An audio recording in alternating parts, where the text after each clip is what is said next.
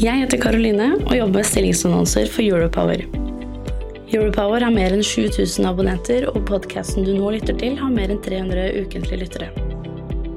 Hvis du er på jakt etter ny jobb, se stilling.europower.no. Ta også gjerne kontakt med meg dersom du ønsker å annonsere ledige IT-stillinger i fornybar energibransje.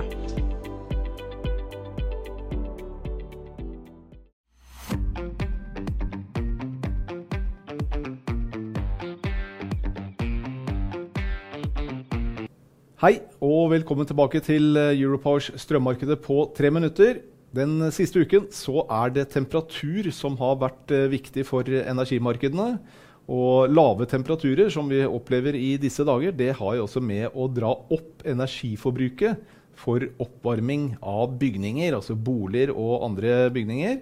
Både i eh, Norden, men også i Europa. I Europa så bruker de jo gass, mens her i Norge så bruker vi jo mye strøm til oppvarming. og Dermed så er det med å prege prisene i uh, markedet.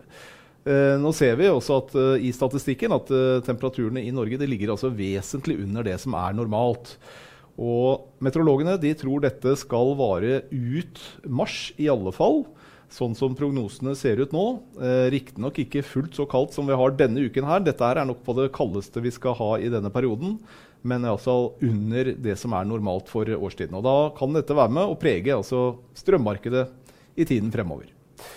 Lave temperaturene kommer fra et høytrykk som eh, ligger over Nordsjøen. og det gir ikke bare lave temperaturer, men det gir også eh, lite nedbør som da gir mindre påfyll i magasinene i det norske systemet, men også mindre vind.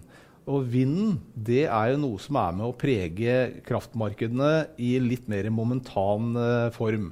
Så dager med lite vind, så må det altså andre eh, energiproduksjonsmetoder inn for å dekke etterspørselen av strøm. F.eks.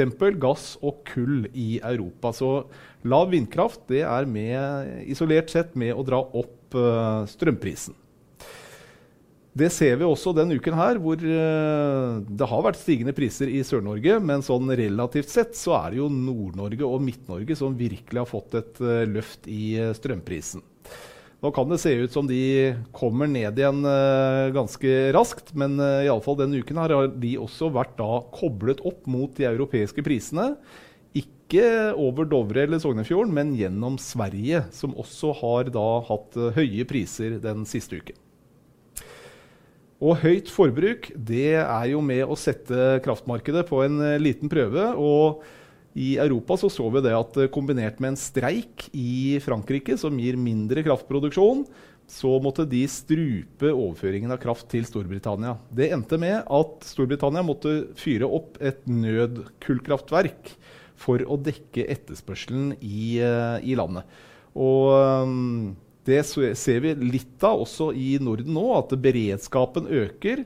Nå var jo også svenske Kraftnett ute denne uken her. Uh, de er jo systemoperatør i Sverige.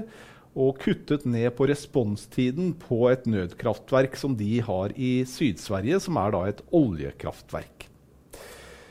Fremover så preges jo prisene av de litt større bevegelsene, og da ser man gjerne på gassprisen, som er blitt veldig viktig om dagen. Og i, eh, på torsdag denne uken her så var markedet altså nede og testa 40 euro på gassprisen. Så lav pris har vi altså ikke sett siden juli-august 2021. Så det er eh, gått bra ned på de prisene der, som er med å prege fremtidsprisene. Men litt vanskelig å se da i eh, fremtidsprisene for Norge.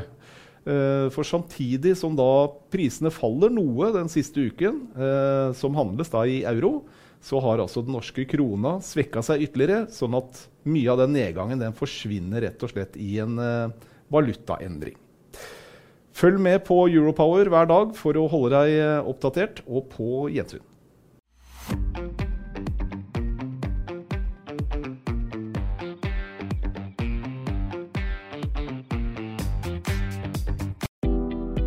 Jeg heter Karoline og jobber med stillingsannonser for Europower.